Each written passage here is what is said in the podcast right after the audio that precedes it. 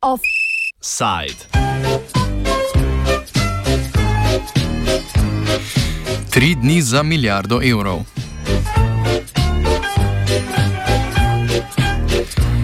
Današnjim dnem se zaključuje javna razprava o predlogu zakona o izgradnji, upravljanju in gospodarjenju z drugim tirom železniške proge Divača Koper. Zakon, ki naj bi razjasnil podrobnosti financiranja investicije, katere vrednost vlada ocenjuje na okoli milijardo evrov, je pripravilo Ministrstvo za infrastrukturo. Javnosti ga je predočilo v petek, javna razprava pa je trajala tri delovne dni. Razlog, da se ministrstvu tako mudi, je, da se želi s projektom prijaviti na evropski razpis, rok za prijavo pa je sredi junija. Zakon podrobneje, čeprav še vedno nekoliko luknjičavo opredeljuje vire sredstev za izgradnjo drugega tira. Ti vključujejo nepovratna sredstva iz proračuna in Evropske unije ter kredite strani Evropske investicijske banke. Prav tako zakon določa vire sredstev, s katerimi bi poplačali kredite, ki vključujejo dodatno takso na pretovoru Luki Koper in povišanje uporabnine za železnico ter cestnin za tovorni promet.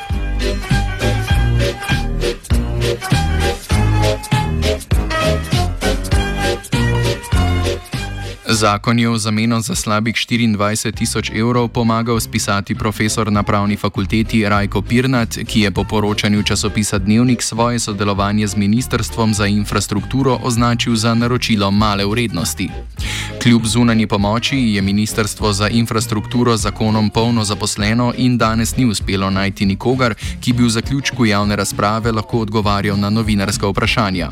Jutri bo o predlogu zakona odločala vlada.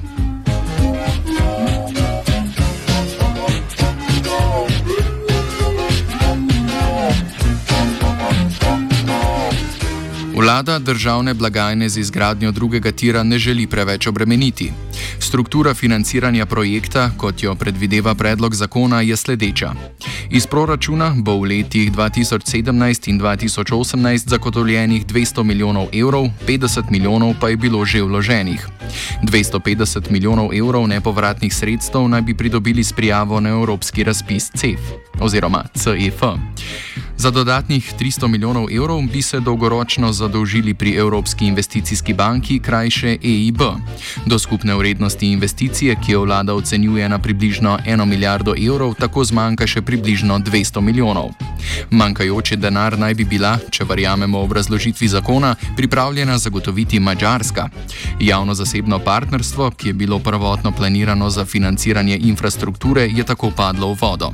Nadomestilo ga je javno-javno partnerstvo. Jože Damjan z ekonomske fakultete povzame načrte vlade in izpostavi pomankljivost sodelovanja z Mačarsko. Ta se namreč zadolžuje tri do štirikrat draže kot Slovenija. Vlada se je očitno odločila najprej iskati javnega, oziroma zasebnega partnerja, pa ga ni našla, potem je začela iskati javne partnerje, se pravi druge države, ki bi sodelovali v tem procesu, uh, ker je hotela predvsem zmanjšati slovenski javni dolg, se pravi, da se ne bi slovenski javni dolg povečal in je potem iskala sosednje partnerje, našla je na koncu Mačarsko in Mačarska bi naj posodila recimo 200 milijonov evrov. Eh, za toliko manj bi se zmanjšal oziroma povečal slovenski javni dolg. Vendar je pa problem v tem, da je Mačarska bistveno slabši ekonomski kondiciji kot je Slovenija in se zadolžuje po višjih obrestnih merah. Tako da bo Mačarska za svoj kapitalski vložek ali pa za svoje posojilo, ne, kar bo to efektivno eh, bo posojilo ne, Sloveniji, bo zahtevala višji donos, torej višjo obrestno mero. In ta razlika je lahko, recimo Slovenija se zadolžuje po 2 ali pa 2,5 odstotni obrestni meri na 30 let, Mačarska pa po 8 odstotni obrestni meri. Ne. To pomeni, da bomo potem eh, morali mi Mačarski plačati dejansko trikrat več. Ne kot če bi se sami zadolžili in bo ta dolg izjemno drag. Ne? Jaz sem zračunal, da bi to, v bistvu ta razlika je lahko potem 260 milijonov evrov, ker, ker bi mi morali v, bistvu, no, v 30 letih mačarski plačati več, kot če bi se sami zadolžili na dolgi rok.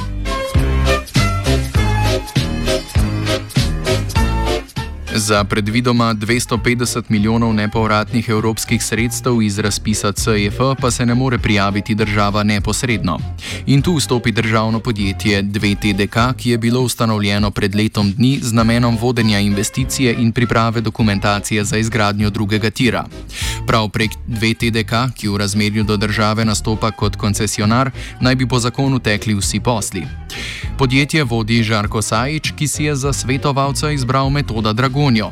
Prav tega istega metoda Dragonjo, ki je lani razjaril delavce in upravo Luke Koper s podajanjem lažnih informacij o poslovanju Luke.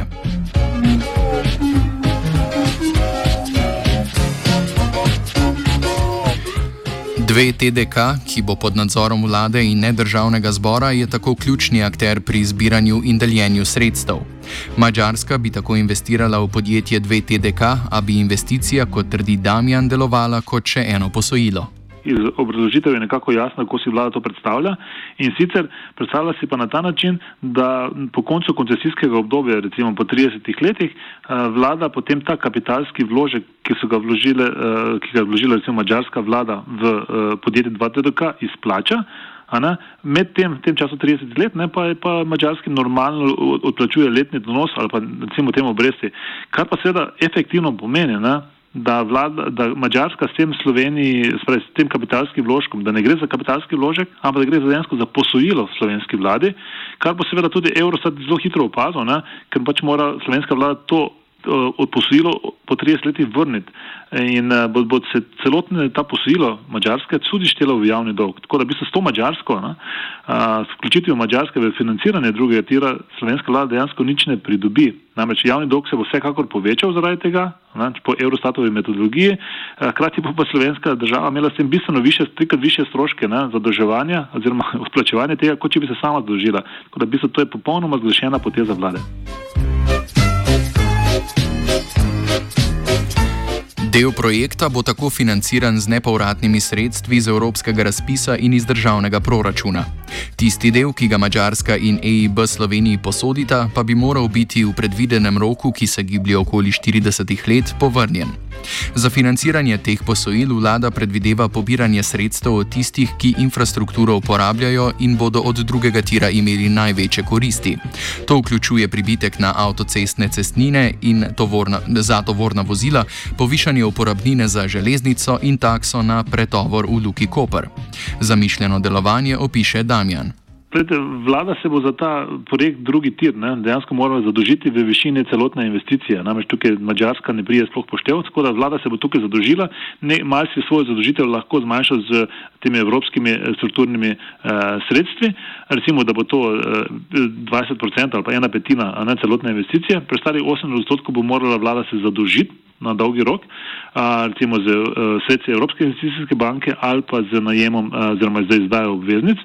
In to bo seveda odplačevala tako, da bo uh, poskušala z, zaslužiti s tem, ne, uh, pridobiti sredstva od tistih, ki uporabljajo to infrastrukturo. Torej, po eni strani uh, bo poskušala dobiti čim več denarja od Luke Koper, ne, ki bo tega imela veliko koristi. Ne, in tukaj dejansko, če preračunate zadeve, ne, bi naj Luka Koper recimo samo za to novo pretovornino uh, morala plačevati letno najmanj 80, 18 milijonov evrov.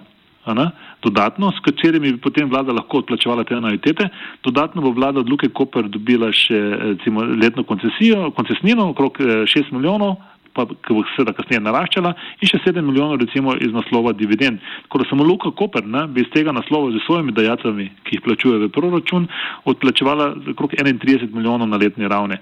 Dodatno bi naj še bilo uporabnine, ki jih plačujejo železniški operaterji za uporabo proge. Ampak te, te zneske so zelo majhne, veste, ker za celotno železniško infrastrukturo, eh, tu se pravi, vsi operaterji skupaj, ki vozijo po celotni eh, eh, železniški infrastrukturi v Sloveniji, plačujejo le okrog 7 do 8 milijonov letno. Za drugi tir bi naj plačevali 1 milijon in če vlada to uh, podvoji, ne, ta znesek bo še vedno samo 2 milijona. Tako da praktično železniški operaterji, ki največ pridobijo za te gradnje drugega tira, ne, dejansko plačajo zelo malo. Preostanek naj bi pa vlada dobila z, a, s tem, da bi povečala tesnine za težke kamione, ne, tako da bo dejansko obremenila a, tranzitni promet čez Slovenijo. Da, s tem, vsem tem najnem skupaj naj bi vlada na letni ravni dobila tam nekje med 50 in 60 milijoni evrov in s tem seveda z lahkoto poplačuje vse te kredite ki, ali pa obveznice, ki jih bo izdala za namen financiranja drugega tira.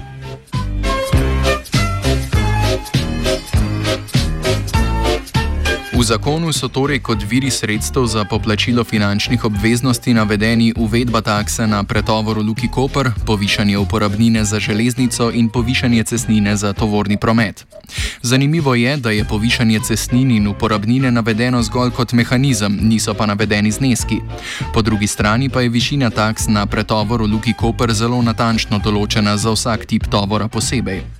Takšna posebna obravnava vložka Luke Koper seveda ni pripomogla k že tako skrhanim odnosom med upravo Luke in vlado, saj očitno s predstavniki koperskega pristanišča tudi ni bila usklajena. Luka se je na predlog zakona v objavi na spletni strani Ljubljanske borze odzvala kritično. Izpostavili so predvsem, da slovenski državni holding od Luke Koper zahteva doseganje precej ambicioznih ciljev glede poslovanja, ki jih v primeru novih dajatov ne bi mogli dosegati. Pojasni Mladen Jovičič iz sindikata žirjavistov in član nadzornega sveta Koper. To bo ogrozilo poslovanje Luke Koper. Uh, paradoks je uh, ta, da SDH, ki igra vlogo lasnika Luke Koper v imenu države, uh, postavlja Luke Koper zelo visoke kriterije uh, za doseganje uh, nekih ciljev iz poslovanja, ne, kot so visoka stopnja donosa in čistega izida. Um, po drugi strani pa uh, nas obremenjuje značen, ker bo ta izid zmanjšalo za več kot pol. Ne.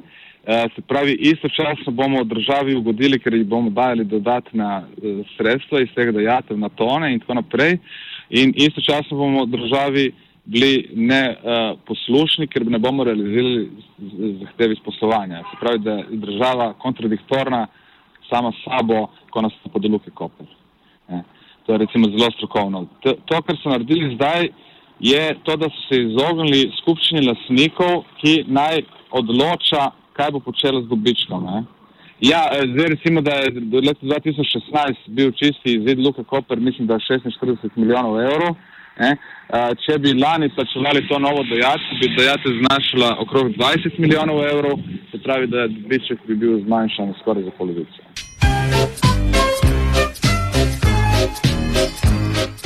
Dividende Luke Koper, ki je v več kot dvotretinski državni lasti, gredo večinoma v državni proračun. Z uvedbo pretovornin bi se vsota teh dividend zmanjšala, denar pa, denar pa bi v obliki dajatve na mesto državnega proračuna dobil dve TDK.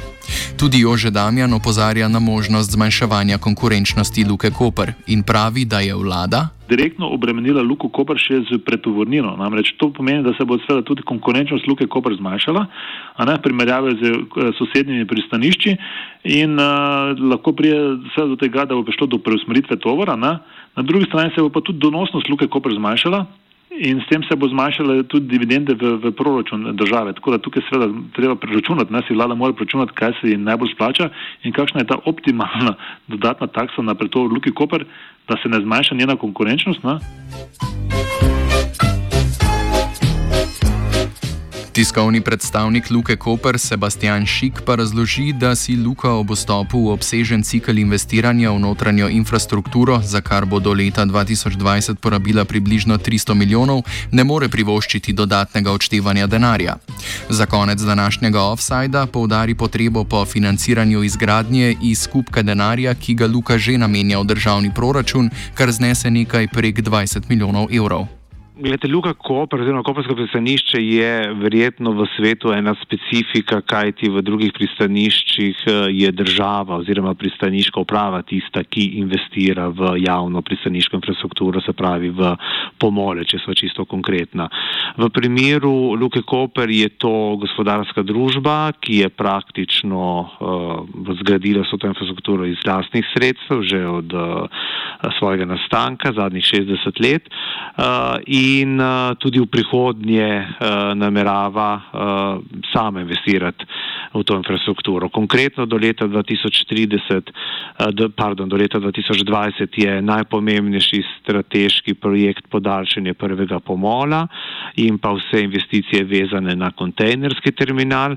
Tukaj je, tukaj je predvideno, da bi samo v kontejnerski terminal vložili okrog 230 milijonov evrov, ostalo pa gre na račun ostalih investicij, predvsem za potrebe uh, avtomobilov, se pravi dodatne skladišne površine, dodatne tire znotraj pristanišča, garažna hiša uh, in pa ostale projekte, kot so naprimer zaprte skladišne površine in pa rezervarje za tekoča goriva pobuda Luke Koper je vse skozi bila, da naj se uh, gradnjo drugega tira financira iz teh sredstev, ki jih Luka Koper že namenja državi, kar je uh, normalno tudi v odnosu med državo in ostalimi gospodarskimi subjekti v tej državi.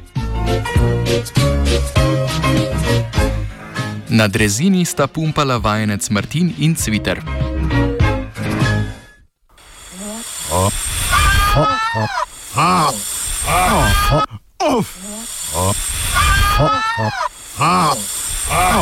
Offside.